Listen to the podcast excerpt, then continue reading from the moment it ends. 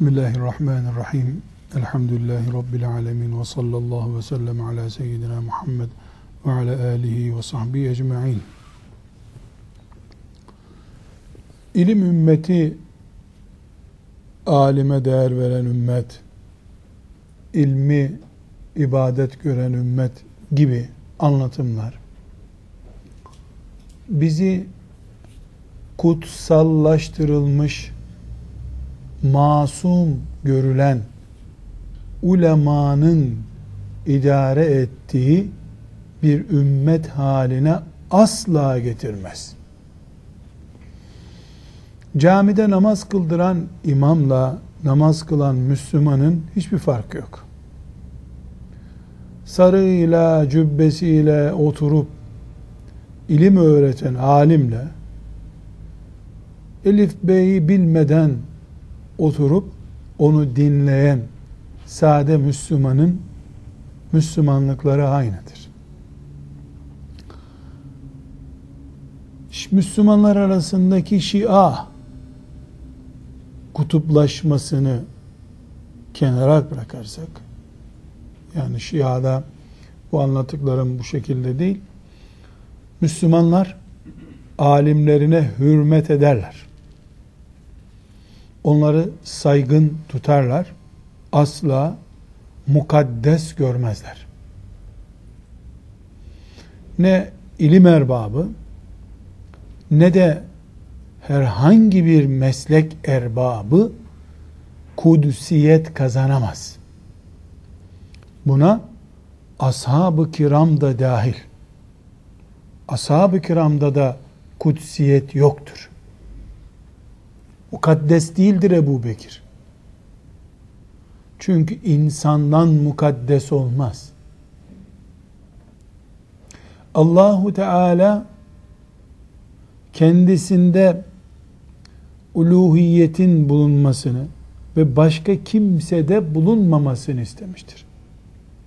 Kudsiyet, mukaddeslik insanda değil, Allahu Teala'da ve ona ait eşyada olur.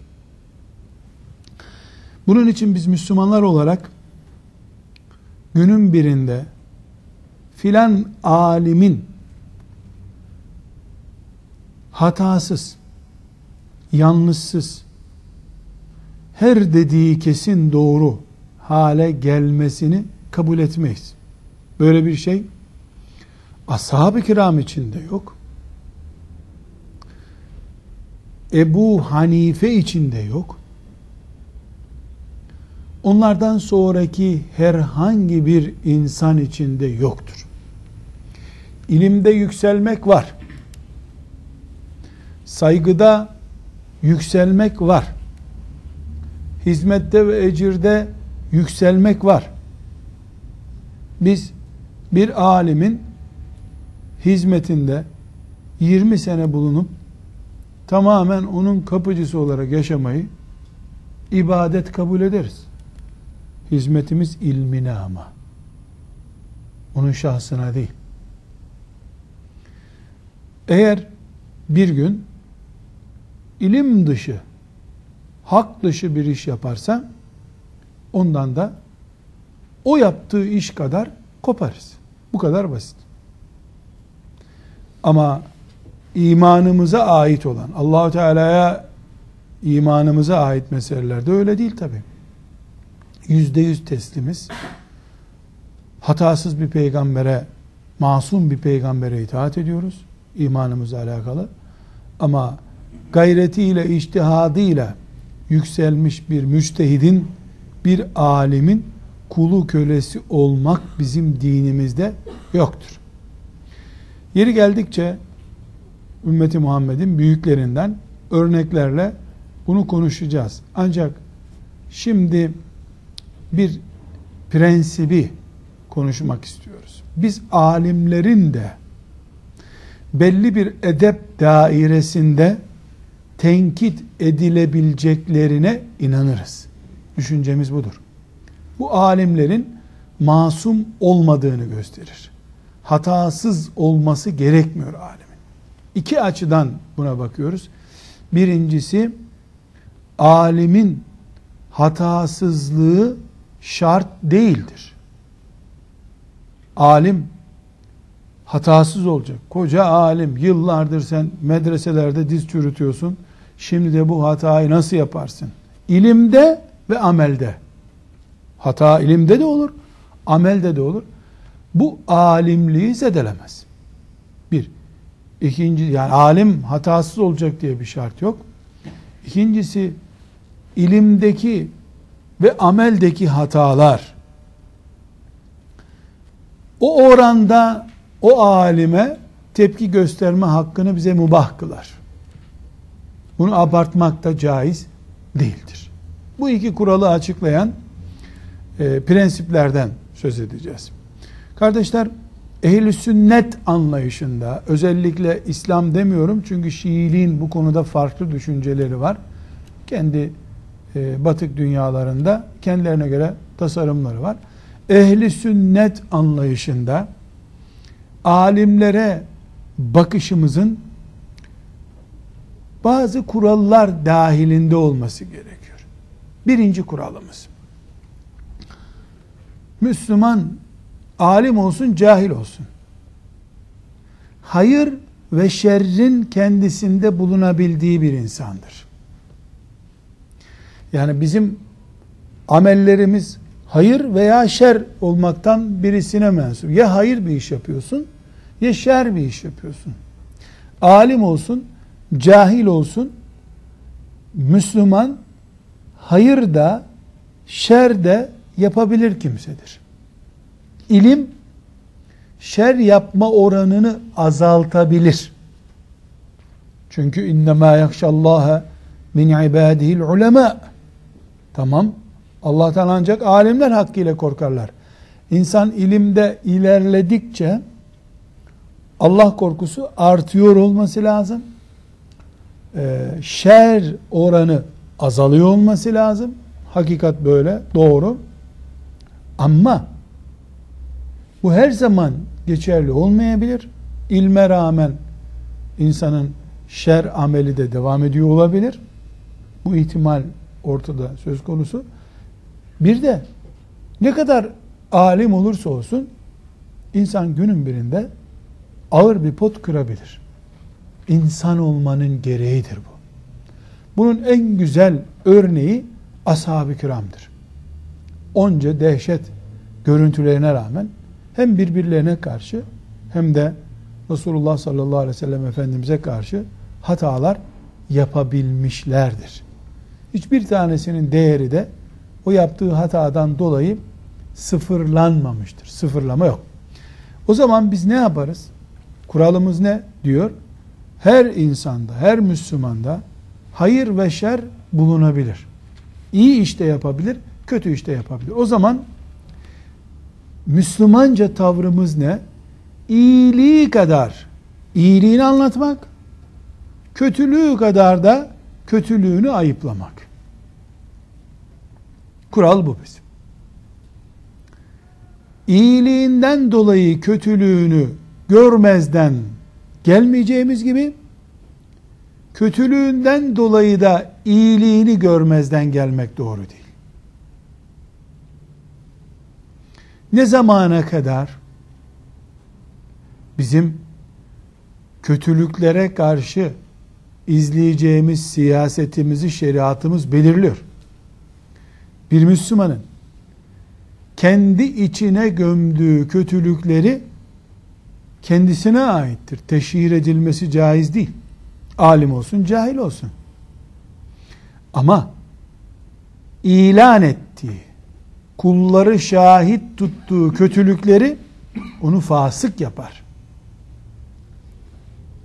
Fasıkın fıskı gıybet konusu bile değildir. Hele alim mesela faiz yiyor. Ama Allah'tan başkası bilmiyor. Bizim dedektif tayin edip bu adamın faizi nerede ne zaman aldığını araştırmamız gerekmiyor. Ama banka kağıdını bize gösteriyor. Bu zamanda faiz almadan nasıl iş yapacağım diye bir safsatayı savunuyor. Allah'ın haramlarından birisini işliyor. Faizin dindeki cürmü neyse, ağırlığı neyse o ağırlık kadar tepkimiz olur. Bunu yaparız.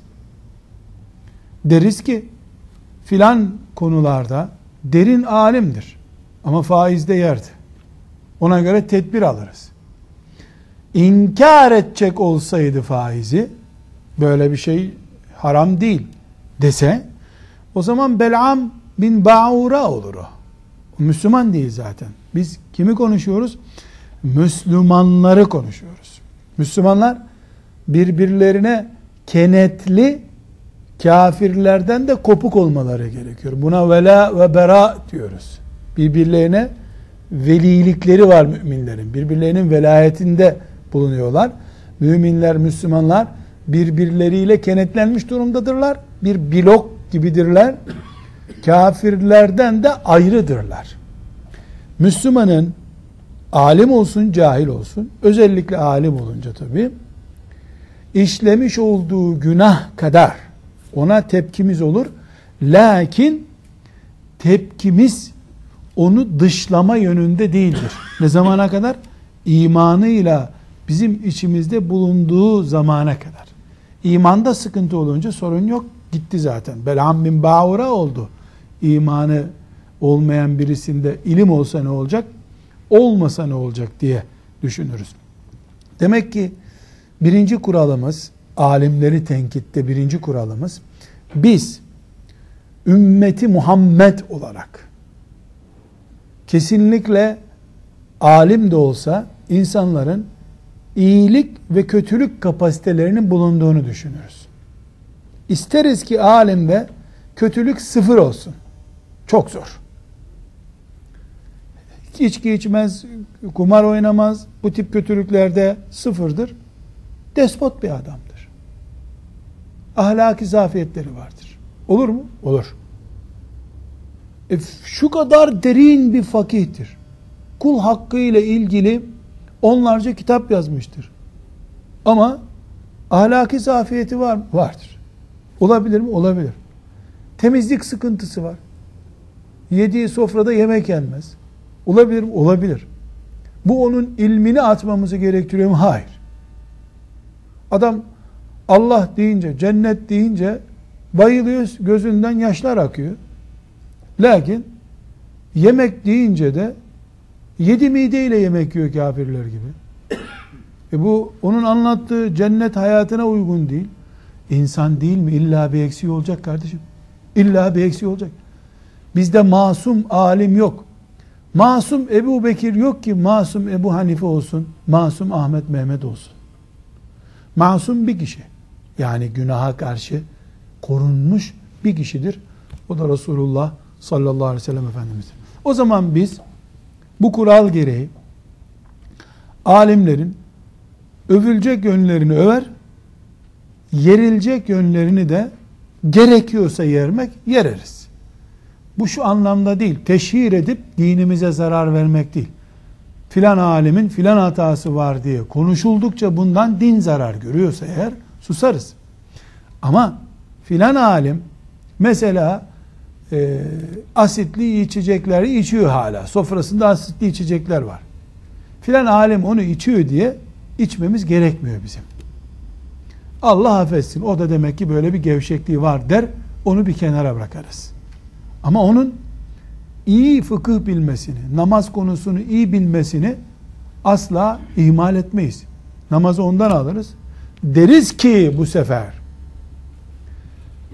ibadetler konusunda filan şahısın ilminin maşallah var. Namazı ondan öğren, orucu ondan öğren, korkma. Ama muamelat konusu çok zayıf. Bir defa alkolün etik olanı ile itik olanı arasındaki farkı bilmiyor.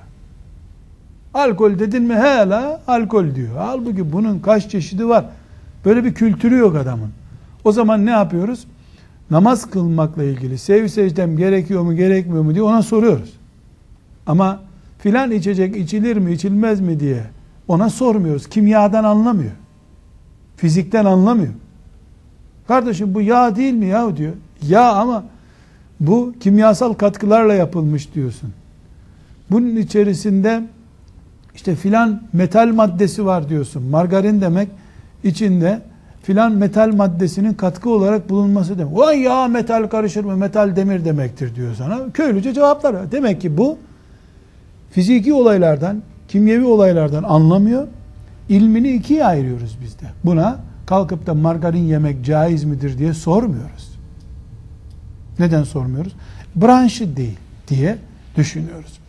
Tasavvuf erbabı birisi yani önünde bir saat oturdun mu o bir saatte seni cennete sokup çıkarıyor zannediyorsun. Ondan onu alıyoruz.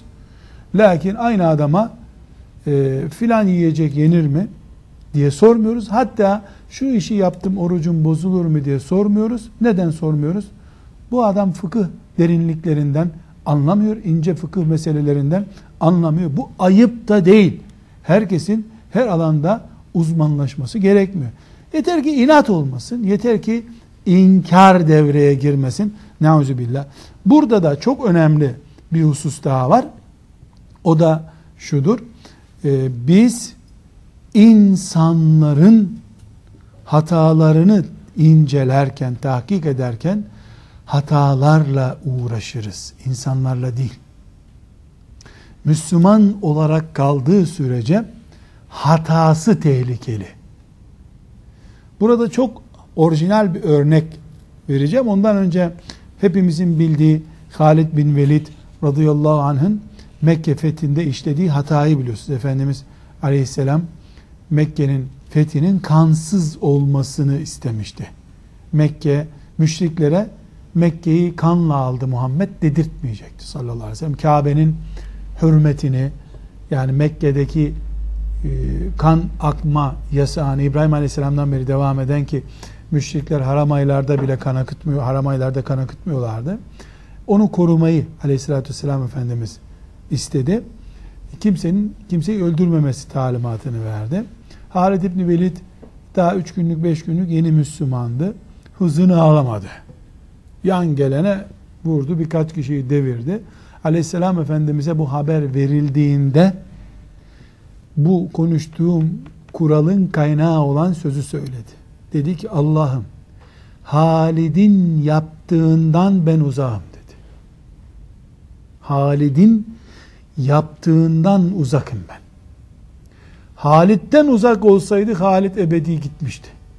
Halid'den kopmak başka şey, Halid'in yaptığından uzak kalmak başka şey.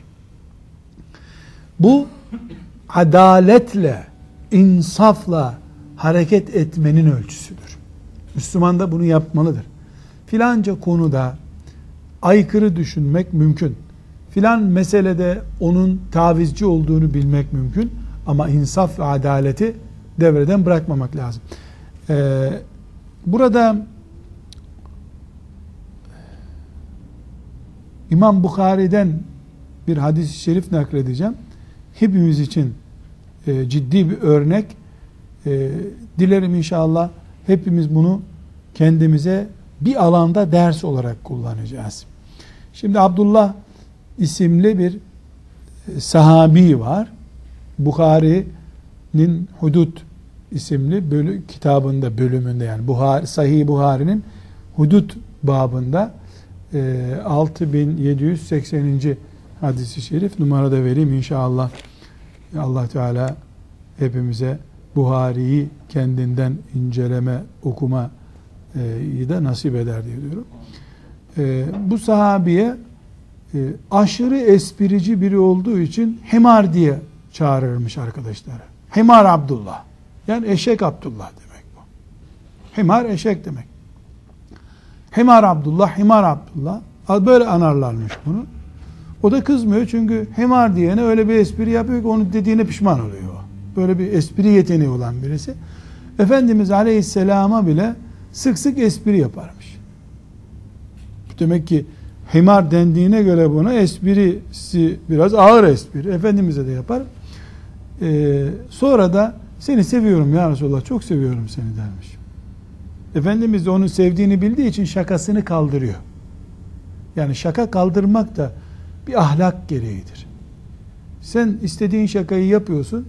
Sonra hoşlanmadığın bir şaka sana yapıldı mı bütün çanaklar, çömlekler devriliyor. Bu Müslümanlık değil. Ya herkes bilir ki bununla şaka yaptın mı kaydın arkadaş. Bununla asker usulü konuşacaksın. Tamam. İtiraz yok. Ama sen istediğin zaman şaka yapacaksın. Sana şaka yaptıkları zaman da küplere bineceksin. Bu Müslümanlık değil. Hadis-i şeriften Efendimiz'den görüyoruz. Efendimiz çok ağır şakaları da kaldırmış. Kendisi de nazik şakalar yapmış ama ağır şaka yapmamış. Şimdi bu sahabenin e, bir de içki hastalığı var. İçki de tüketiyor. Buhari'den okuyoruz. İçki de tüketiyor. E, bunun üzerine bir gün buna ceza veriliyor. İçki cezası ne? 80 sopa. 80 sopa. 80 e, sopaya daha sonra Hazreti Ali döneminde getiriliyor. Aslında Efendimiz sallallahu aleyhi ve sellem zamanında patlatın şuna 5-10 tokat vari. Öyle bir yani kınama türü bir ceza bu. Şimdi e, Efendimiz sallallahu aleyhi ve sellem bu sahabeyi cezalandırıyor içki içtiği için. Şaka zamanı şaka, suç işledin mi ceza. Sonra oradaki sahabilerden biri çok önemli arkadaşlar. Diyor ki akılsız adam diyor. Yaptığın senin iş mi lan? Deli misin nesin be böyle? Yani dışlar roller yapıyorlar ona. Efendimiz sallallahu aleyhi ve sellem siz ne yapıyorsunuz diyor. Ne biçim söz söylüyorsunuz böyle diyor. Bu adam Resulullah'ı seviyor bunu biliyorsunuz. Nasıl böyle ayıplarsınız bu adamı diyor. Sonra oradaki sahabelere buyuruyor ki siz şeytana yardım ediyorsunuz. Bu adamı dışlıyorsunuz, şeytana yardım ediyorsunuz. Böyle yapmayın. Şimdi burada kardeşler adam hemar bir defa anılırken hemar diye anılıyor. Ve Peygamber aleyhisselamın sağlığında peygamberin Medine'sinde içki içiyor. Kur'an'la yasaklanmış ağır bir suçu işliyor. Ee, peygamberin mescidinde dayak cezasıyla cezalandırılıyor. Ama adam e, ayıplanacak olsa yani gene, içkiyi ayıp ayıplamak, cezalamak zaten Allah'ın emri. İş abartılıp da adam olacağın yok senin Medine'de içki içtin diye genelleme yapılmış bir ayıplamayı Peygamber aleyhisselam Efendimiz yasaklıyor. Bu adam Allah'ı ve peygamberini seviyor ne yapıyorsunuz diyor. Burada e, asla içki içmeye karşı esnek davranma, adam kayırma söz konusu değil. Adam kayırılacak olsa ya bu adam çok beni seviyor dövmeyin bunu derdi herhalde. Dayak yedikten sonra neyini kayıracağım bu adamın? Ama adamın prestijinin sıfırlanmasına karşı kayırıyor Efendimiz sallallahu aleyhi ve sellem. Yani adam içki içtiyse cezasını yedi. Bitti bu kadar. Kapatın bu dosyayı. Adam ebedi bir kere içki içti. Bir daha namaz da kılsa, hacca da gitse hep onunla anılması yanlış. Burada alimler konusuna küçük bir ara verip alim adayı çocuklar konusunda görüşmemiz lazım kardeşler. Çocuk yetiştirenler bilhassa babalar, anneler ve özellikle uzun vadeli bir zamanda yani uzun süreli çocuk eğitimi yapanlar. Mesela bir matematik öğretmeni bir sömestri giriyor bir çocuğa, iki sömestri bilemedin girip ders okutuyor ama mesela bir hafızlık yaptıran hoca bir talebeyle üç sene, beş sene bir arada duruyor. Burada bu hadisi şerif ki bu tek hadis-i şerif değil, baz alındığında yani çocuk elif cüzü okurken bir defa abdestsiz olduğu halde abdestliyim diye yalan demişti. Hoca da bunu yakalamıştı. Çocuk hafızlığı bitirmiş, kıraat ilmine girmiş, hala abdestsiz Kur'an okuyan adam muamelesi yapıyorsun. Yüzüne vuruyorsun. O çocukla başlayanlar mezun olmuş, gitmiş, yenileri gelmiş, sen yeni gelenlere o suçunu tanıtıyorsun. Bu sünnete aykırı, insan yetiştirmeye aykırı müminler örtmek üzerine kurulu politikalar gütmelidirler. Hatalar örtüldükçe giderilir. Üzerine sürekli su döküp, sürekli onu güneşte tutup fidanını büyütmeye kalkarsan, koca bir zulüm ağacı dikmiş olursun onun yüreğine. Bu hadis-i şeriften anne baba, öğretmen, muallim, kamp hocası kimse kendine herkesin ders çıkarması lazım. Ha, aynı hata devam ediyorsa aynı tepkimiz devam ediyordur. Üç sene önceki hatayı karıştırmaktan söz ediyoruz biz. Hata sürekli bütün e, tedavi yöntemlerine rağmen hala mikrop bünyeden gitmediyse e, tedavi de devam edecek demektir. Birinci kuralımız alimlerin tenkidi caizdir. Alimler tenkit edilebilir. Buna Ebu Hanife de dahil tenkit edilebilir. Yanlış düşünüyorsun denebilir. Şimdi ben böyle dedim. E, benim tenkidim hazır tabi. Bu herhalde e, Hanefi değil. Bu başka bir mezhepten. Ebu Hanife'yi tenkit ettiğine göre yani demek ki Vahabi olabilir. İmam-ı Azam'a karşı çıkıyor. En büyük Vahabi de Ebu Yusuf'tur. İmam Muhammed'dir. İmam Züfer'dir. Hocalarının sağlığında biz senin gibi düşünmüyoruz deyip yeni mezhep kurmuşlar. Ebu Yusuf'u üstelik ceketsiz olarak teslim almış e, Ebu Hanife rahmetullahi aleyhime. Yani hem babalık yapmış ona hem hocalık yapmış, yetiştirmiş. Kendi sağlığında herhangi bir ilmihale açın. E, Hanefi mezhebine göre şu mesele Ebu Yusuf'a göre böyle ama. Ebu Yusuf'a göre böyle, Muhammed'e göre böyle. Bazen de hocalarına karşı birleşmişler. Genelde de birleşiyorlar. Çünkü tek başına güçleri yetmiyor. İlmin kuralları dahilinde, edep dahilinde tenkit edilemez kimse yoktur. Resulullah sallallahu aleyhi ve sellem hariç. Ashab-ı kiram bile birbirlerine dersler vermişlerdir. Aksi takdirde biz masum bir kişi değil bin kişidir demek zorunda kalırız. Ama bu edep dahilinde yapılırsa caiz bir harekettir ayrı bir konu. Edep size zaten söz yok bu dinde. Daha abdest almayı bilmeyen, taharetlenmeyi bilmeyen, sabah namazına kalkmakta zorlanan, kalkamayan birisi ümmeti Muhammed'in büyüklerine oturur konuşursa biz onu konuşmuyoruz. Edep dahilinde konuşmaktan söz ediyoruz. İkinci kural olarak da biz alimleri tenkit etmenin haram olmadığını düşünüyoruz. Caiz olduğunu düşünüyoruz. Ama adil olan tenkit etsin. İnsaflı olan tenkit etsin. Burada e, İmam Malik'in rahmetullahi aleyh hatıratını yazan İbn Abdülber gibi e, yani ona yakın Maliki alimlerinin İmam Malik'ten Ebu Hanife hakkında söylediği sözlerle ilgili e, nakiller vardır. Allah hepsinden razı olsun, hepsine rahmet eylesin. Yani İmam Malik'in ki e, doğumları ölümleri arasında yakın bir mesafe var. E, Ebu Hanife rahmetullahi aleyh hakkında söylediği sözler yutulur sözler değil.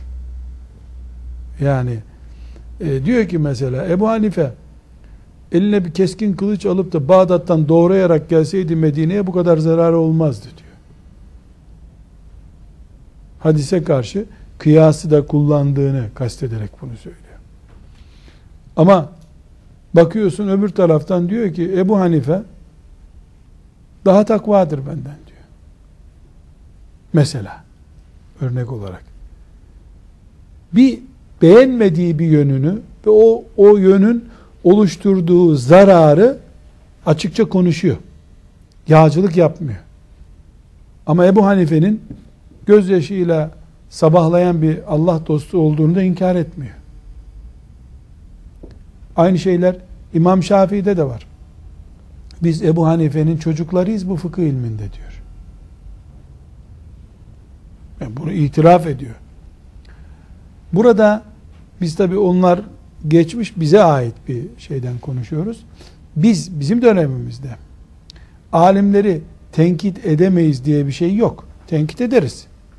Ama kim bu tenkidi yapıyor ona bakmak şartıyla. Ee, bu tenkidimizin de adaletsiz ve insafsız olması caiz değil. Hadis-i şerifte gördüğümüz gibi faziletli bölümünü al, reziletli bölümünü tenkit et. Bir. iki, adalet gereği insaflı olmanın gereği kendi görüşünü yüzde yüz hak onun görüşünü de yüzde yüz batıl görmemektir. Benim söylediklerim doğrudur. Yanlış olur mu? Olur. İnsan sözü bu. Onunkiler yanlıştır. Doğru olabilir mi? Olabilir tabi. İnsanız nihayet. Ben kendime ne kadar yanılma payı veriyorsam ona da o kadar doğru olma payı vermek zorundayım. Aksi takdirde Fatiha suresi Kur'an'dan değildir diyen birisini tenkit ederken kesinlikle Kur'an'dan değildir deriz. Yani kesinlikle Kur'an'dan değildir diyen birine biz de kesinlikle sen yanlış yapıyorsun deriz. Niye? Çünkü bu bir iştihat meselesi değil ki. Kur'an-ı Kerim'de Fatiha ile başlandığını e, ümmeti Muhammed 1400 senedir icma etmiş. Yüzlerce, binlerce, milyonlarca kere icma edilmiş bir konu bu. Sen batıl bir şey çıkardın. Seni tartışmak için filan tenkit ediyor. Adalet ve insaf gereği seni sıfırlarım ben o zaman. Ama mesela namazın birinci rekatında Fatiha'dan üç ayet okuyup rukuya gitsem namazım olur mu olmaz mı konusunda tartışırken olur diyen birisine olmazı yüzde yüz diyemezsin sen. İnsaflı davranman lazım. Evet, ayet, üç ayet okuyarak Fatiha suresiyle namaz olmaz. Tamamının okunması lazım ve bu yanlıştır derim. Ama böyle iştihat yapan birisine vay zındık, kafir, melun, casus, istihbaratçı, Yahudi ajanı sen demek böyle diyorsun diyemezsin. İçtihadi bir konuda alimler yüzde yüz cinayet işlemiş muamelesine tabi tutulamazlar. Zaten alimler ayeti hadisi yani kat'i olan şeyleri reddedecek olsalar biz onun baştan alimlik vasfını düşürdük. Burada kardeşler bugüne örneklediğimizde hilafetten sonraki dönemde Müslümanların ciddi bir başsızlık sorunu var. Bu başsızlık sorunu aslında hilafetin otoritesini kaybettiği her dönemde de ortaya çıkmış bir acıdır maalesef. Şimdi böyle dönemlerde Müslümanlar ileri geri konuşabiliyorlar. Ee, mesela bir hoca efendi e, birkaç yıl önce enteresan bir söz söylemişti. İsmini zikretmeyelim. Şimdi e, devletle arasının iyi olmasını istiyor. Diyor ki şu cumhuriyet düzeni Abbasi düzeninden daha iyiydi diyor.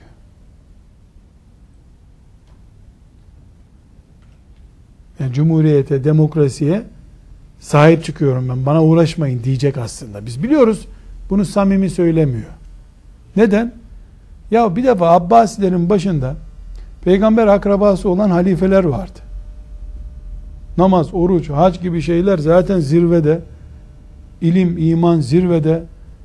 E, Abbasi'nin herhangi bir dönemi diyorsun. Ebu Yusuf senin mezhebin imamı Ebu Yusuf Kadıl Kudat orada. Yani sen nasıl yaşayan en hastalıklı, en ağır hasta olan yaşayan biri herhangi bir ölüden daha iyidir her zaman. Şimdi bu hoca efendinin niye bunu söylediğini ben adım gibi biliyorum. Benim onunla oturduğum mesela ben tanıyorum. Oturduğum zamanlarda e, tüyleri diken diken olan birisi. E, sonra bakıyorum ki basına verdiği demeçte böyle diyor. Ne yapıyoruz biz o zaman? Bu sözü reddediyoruz. Böyle bir şey olmaz diyoruz. Müslümanın ölüsü, dirisi, gavurun her şeyinden daha iyidir. Müslüman felçli olsun, gavur sağlamından sağlamdır bizim gözümüzde. Bir defa hilafet sistemi, e, cumhuriyet dediğin onun yerine kurulmuş bir sistem e, gibi e, bir tartışma yapıyoruz. Ama adaletim gereği onun öbür e, taraflarını, zühdünü, takvasını, fıkhını kaldırmıyorum. Yok bu adamda fıkıh yok artık diyemiyorum. Dün vardı bugün fıkıh olmaz olur mu bir adamda? Bu insafsızlık.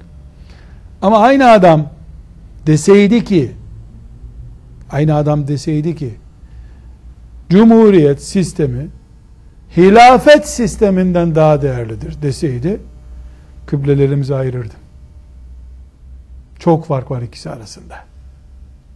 Biri İslam'la anti İslam'ı karşılaştırıp İslam'dan daha iyi bir şey olduğunu söylüyor. Hilafet çünkü ümmeti Muhammed'in sistemi. Öbüründe kurnaz bir ifade var. Abbasilerin sistemi diyor.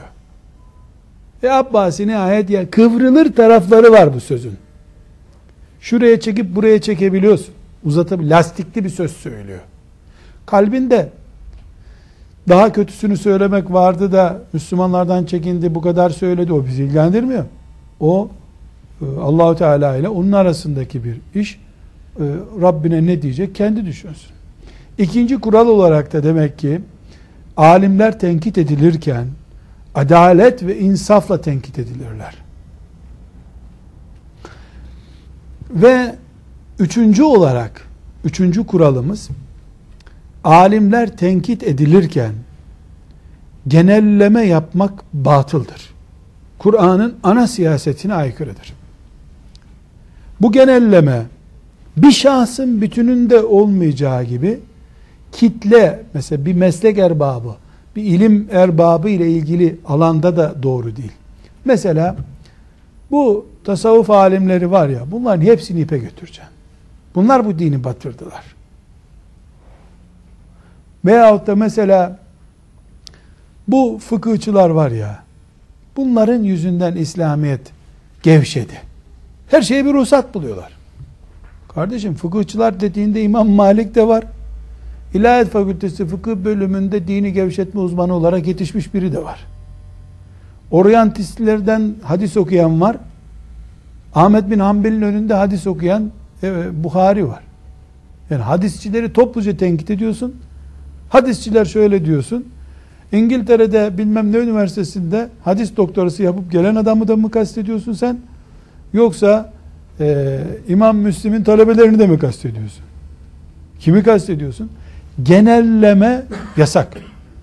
Kur'an-ı Kerim Ali İmran suresinde e, ehli kitaptan söz ederken ki Yahudiler binlerce kere lanetlenmiş bir kavimdirler. Buna rağmen ve inne min ehlil kitabi lemen yu'minu billahi. İman edenler var diye Kur'an-ı Kerim'de. E, dönüyorsunuz Ali İmran suresinde inceliyorsunuz. Yani bu kadar lanetli olduğu halde onlardan iman edenler var diyor Kur'an-ı Kerim. Sonra onların karakterinin ahlaksızlık olduğunu, genel olarak ahlaksız olduklarını söylüyor Kur'an ama diyor ki sonra o ehli kitaptan öyleleri vardır ki ona bir ton altın veya işte ağırlığı bir ton olan bir altın mücevher emanet etsen hiçbir şeyine dokunmadan geri verir onu sana. Emaneti yerinde adamın sosyal yönü var. Ahlaklı adam. Ama gavur. Ehli kitaptan gavur. Öyleleri de vardır ki bir kuruş versen silahı başına dayamadan geri vermez onu sana bir daha.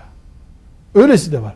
Demek ki Allah ehli kitabı iman açısından cehennem kütüğü olarak gösteriyor bize.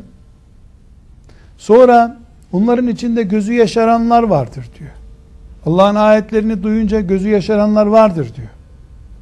Sonra e, ahlak bakımından, emanet, güvenlik, güvenilirlik bakımından sıfır olanı var, çok kaliteli olanı var diyor. Genelleme yapmıyor.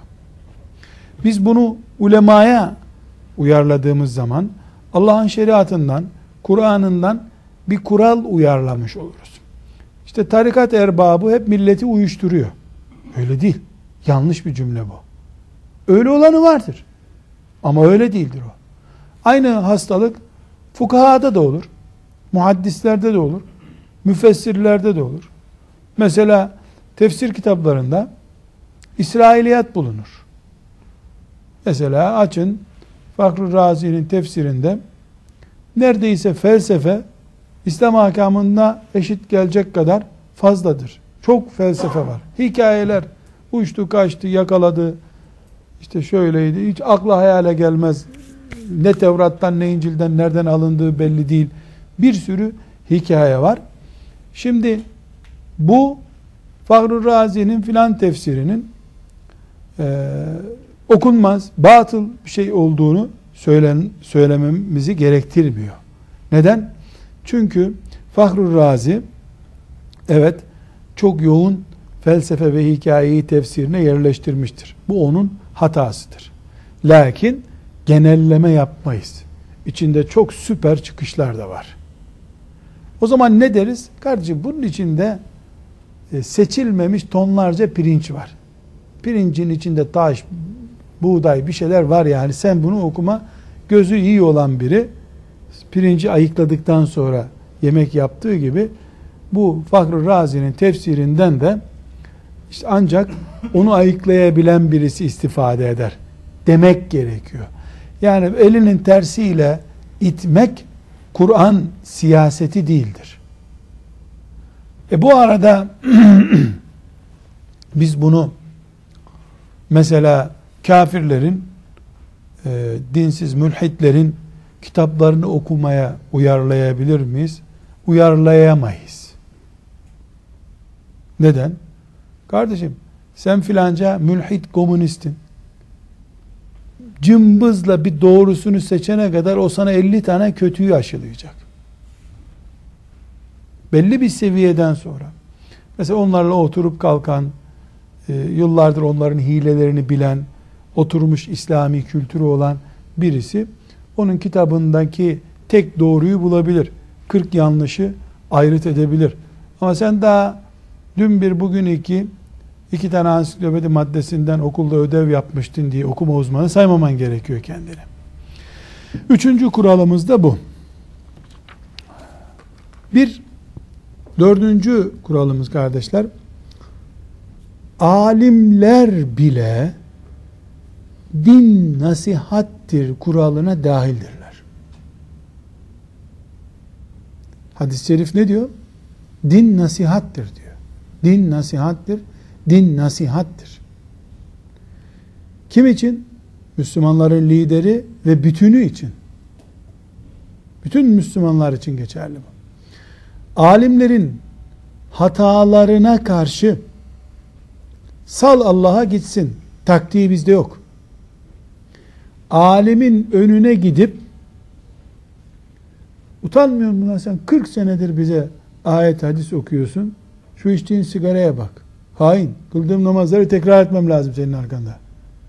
Demek de yok. Onun konumu neyi gerektiriyorsa o şekilde nasihat etmek var. Ayşe annemiz radıyallahu anha ne diyor?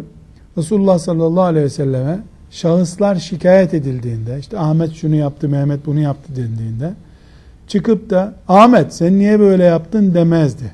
Niye birileri şöyle yapıyor, böyle yapıyor derdi diyor. Konuma dikkat ederdi. Bu nedenle alimler nasihate dahildirler. Yani alimdir diye buna nasihat edilmez kuralı yok. Eğer alim bir hikmete binaen bunu yapıyorsa bunu bize açıklar. Biz de doğruyu öğrenmiş oluruz. Sigara hariç ama sigarayı bir hikmete binaen içemez. Tartışmalı şeylerde. Hayır, alim eğer nefsine esir düşüp de bunu yapıyorsa o zaman biz hem Allah nezdinde ikaz etme görevini yerine getirmiş oluruz. Hem de alime izlendiğini, etrafında kamuoyu oluştuğunu hissettirmiş oluruz alemin toparlanmasına vesile oluruz. Böylece o hüviyetiyle, ilim hüviyetiyle e, Müslümanların nesline veya cemaatine kötü örnek olmamış olur. Burada küçük bir not düşeceğim kardeşler. Şimdi biz alimden söz ediyoruz. Ama cami imamlığı alimlik değil bizim zamanımızda. Bu söylediğim sözlerin hiçbiri cami imamları, müezzinleri için geçerli değildir. Yani özellikle mülakatlarda çıkan 5-10 soruyu önceden çalışan herkes imam olabilir bu ülkede. İyi Kur'an okuması bile gerekmiyor maalesef. Bunu nereden biliyorum? Çünkü Diyanet İşleri Başkanlığı personelini hizmet içi eğitimini alıyor. Elif cüzünden başlatıyorlar orada Kur'an öğretmeye. 10 yıllık imamı hizmet içi eğitimi alıyor. Ne okudunuz? Elif yüzünden başlattılar bizi diyor. İşte bir de ayıplıyorlar. Bu yaşta bizi e, e i, ü dedirttiler diyor. 10 sene insanların önüne geçip namaz kıldırmış. Bu Müslümanlar böyle hak ediyordu. Böyle verdi Allah. Onun sonucudur diye zannediyorum. Bu sözlerim benim iştihatlarıyla, fetvalarıyla Müslümanların yaşamaya çalıştığı insanlar için yani ilmin sahibi kimseler için alimlik vasfına haiz kimseler için söylenmiş sözdür. Yoksa cami imamlığı, devletin şu kademedeki din hizmeti sorumlusu vesaire bunlar yani zaten e, toplum onları örnek bak, bakmıyor. Yani bir imam cami imamı derya olsa insanlar ondan etkilenmiyorlar. Fasık da olsa gidip arkasında namaz kılıyorlar. Hiç sakınca görmüyorlar. Yani imamlar çıkıp insanlara bugün çabuk kılalım maça yetişelim diyor. İmamlar da toplanıp caminin içinde onu linç etmiyor cemaati. Sen cemaate nasıl döner dersin çabuk kılalım. Neredeyse ezanı 10 dakika önce okuyacaklar maça yetişmek için. Böyle böyle bir imamı protesto etmeyen e, bir e, kitlenin yani öyle imam olmasında da bir sakınca yok demek ki. Bu da dördüncü özelliğimiz, dördüncü tenkit özelliğimiz. Yani alimler nasihat kuralına dahildirler. Çünkü din nasihattir. Alimler de dinin içinde bir Müslümandırlar, dindardırlar. Dolayısıyla onlara da nasihat ederiz. Şu kadar ki her şeyin bir kuralı seviyesi var şüphesiz. Yani e, çıkıp 20 yaşında bir delikanlı 70 yaşında bir alime söz akıl verirken e, o alimin de nefsini köpürtmesi, şeytanı e, malzeme olarak kullanmasına sebep olması yanlış. O da ne yapar? Soru şeklinde sorar. Başkasına söyletir. Eğer gayesi Allah'ın rızasıysa alemin hatasını düzeltmekse. Başkaysa tabii bir sorun yok. Ve beşinci kuralımız biz ümmeti Muhammed olarak Resulullah sallallahu aleyhi ve sellem'den sonra ashab-ı kiramı şartsız şurtsuz severiz. Onun dışında kimseye taassubumuz yoktur. Taassup bizde yok. Bizde hak vardır ölçü olarak. İmam Gazali'nin El Munkiz Minad Dalal isimli bir küçük kitabı var. Akide etrafında önemli bir kitaptır. Orada konuyu anlatırken enteresan bir örnek veriyor. Diyor ki ahmaklar adama bakıp doğruyu anlarlar diyor. Akıllılar doğruya bakıp adam tanırlar diyor. Resmen adama bakıp yani benim e, A şahsını tuttum. Onun üzerine öyle taassubum var ki onun yanlışı da doğru, doğrusu zaten doğru algılıyorum. Bu ahmaklıktır diyor. Sadece Resulullah sallallahu aleyhi ve selleme soru sormak yok. Yaptığı her şey doğru. Çünkü masum. Onun dışında soru sorulamaz. Her yaptığı doğru olması mümkün değil hiçbir insanın. Bunun adı taassuptur. Burada riskli bir konuya çok riskli buz üzerinde giriş yapmak istiyorum. Bizde mezhep taassubu da batıldır. Mezhebe de taassup yoktur. Biz Hanefi mezhebine göre ibadet ederiz. Asla Ebu Hanifeci değiliz. Ama Hanefiyiz. Çünkü Hanefi olmak Ebu Hanife ekolüne göre dini anlamak demektir. Ama eğer bizim Ebu Hanife'den başka kimse yoktur şeklinde bir anlayışımız olursa bu protestanlık olur. Başka din yok olur. Bu taassuptur. Böyle bir taassubumuz olamaz bizim. Şu ana kadar Ebu Hanife'nin mezhebinde Allah'ın şeriatına aykırı, Kur'an'a aykırı Resulullah sallallahu aleyhi ve sellem'in sünnetine aykırı bir şey bulunamadığı için o yoldan gidiyoruz. Sonra anlaşılsa ki bu Ebu Hanife'nin filan meseledeki görüşü sahih bir hadise aykırı. Onun karşılığında da bu tarafta bir hadis yok elinde. Kendi zevkine göre bizi yönlendirmiş. Orada onu bırakar. O hadis neredeyse orada devam ederiz. Niye? Ebu Hanife'den dolayı. Kendine diyor. Ayet buldum mu ayetin peşinden giderim. Bulamaz hadis bulursam hadisin peşinden giderim. Hadis de bulamazsam sahabenin peşinden giderim. Sahabe yoksa herkes kadar ben de din anlıyorum zaten diyor. Kendi böyle diyor. O da zaten hadis bulsa bırakıp gidecek demek. Yok böyle bir şey. Ebu Hanife'nin hadisi bırakıp, ayeti bırakıp zevkine göre hüküm verdiği yok ortada elhamdülillah. Olacak olsa tereddüdümüz yok. Biz Ebu Hanife perest değiliz. Biz elhamdülillah Allah'ın peygamberi Muhammed Aleyhisselam'a iman ettik.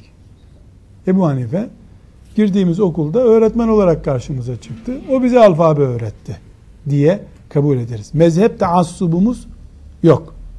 Takım tutar gibi mezhep tutmayız. Ha kaç Müslüman yeryüzünde derinleşecek de A mezhebi ile B mezhebi arasındaki farkı anlayacak da bu burada daha haklı diyecek ayrı bir konu. Ama işin hakikati budur. Alimler arasında da bizim bir alimden başka alimimiz yok. Onu bırakarsam cahil kaldım şeklinde düşünmemiz de bir tür taassuptur. Bunu da yapmayız. Evet, arı gibi her alemin önüne konup ondan biraz istifade edip gitmeye de sıcak bakmayız. Ömrü yetmez insanın bir şey öğrenmeye o zaman. Her çiçek çeşidinden bal toplamaya kalkarsan bal sağma mevsiminde kovanında bir gram bal bulamazsın sen. Çünkü yolda geçer ömrün. Ama alimlerin başka alternatifi yok. Tek alim e, mecbur ömrümüz bununla geçecek şeklinde putlaştırılması da bir taassuptur. O taassuba da gerek yok. Gel git de ömür zayiatı, taassup da din zayiatıdır. Bu perspektiften bakıldığında biz alimlere taassupkar olmadığımız için yani bir alimi mutaassıp bir kafa ile kör bir taklitle sevip peşinden gitmediğimiz için en baştaki kuralı çok rahat uygularız. Doğrularını alır, eğrileriyle baş başa bırakarız onu. Kör taassubun oldu mu zaten eğri göremezsin. Bir hikmete binaendir onun abdestinin bozulması olur. E bunun abdesti bozuldu namaz kılarken demek ki Allah'ın dostlarının namazda hep abdesti bozuluyor. Demek zorunda kalırsın. Doğal olan bu değil halbuki. Doğal olan nedir? Midesi olan herkesin abdesti bozulabilir. Ne var bunda ya? Deyip yeniden abdest alıp namaz kılarız. Diye düşünmemiz gerekiyor. Sözlerimizi tekrar toplayacak olursak kardeşler. Biz mukaddes alimler ümmeti değiliz. İlim ve alim ümmetiyiz. Ama mukaddeslik yani kutsallık alimlerde yoktur. Onlar da beşerdir. Onlar da insandır. Onların da zevkleri var. Onlar da yemek isterler. Onların da cinsel ihtiyaçları var. Onlar da yorulurlar. Onlar da sinirlenirler. Onlar da bağırırlar. Onlar da kul hakkı irtikabı yapabilirler. Beşer. Beşer. Bal gibi beşer. Ama normal insanlara göre, ilim ehli olmayanlara göre daha iyi olmaları beklenir onların. Ayrı bir konu. Daha iyi olmaları da gerekiyor zaten. Nitekim öyle de olurlar. Ama hatasızlık onlar için söz konusu değil. Belli kurallar dahilinde onların hatalarını konuşuruz. Yanlışlarını söyleriz. Ee, bu niye böyle diye sorarız. Hiçbir şekilde de bundan rahatsız olmayız. Velhamdülillahi Rabbil Alemin.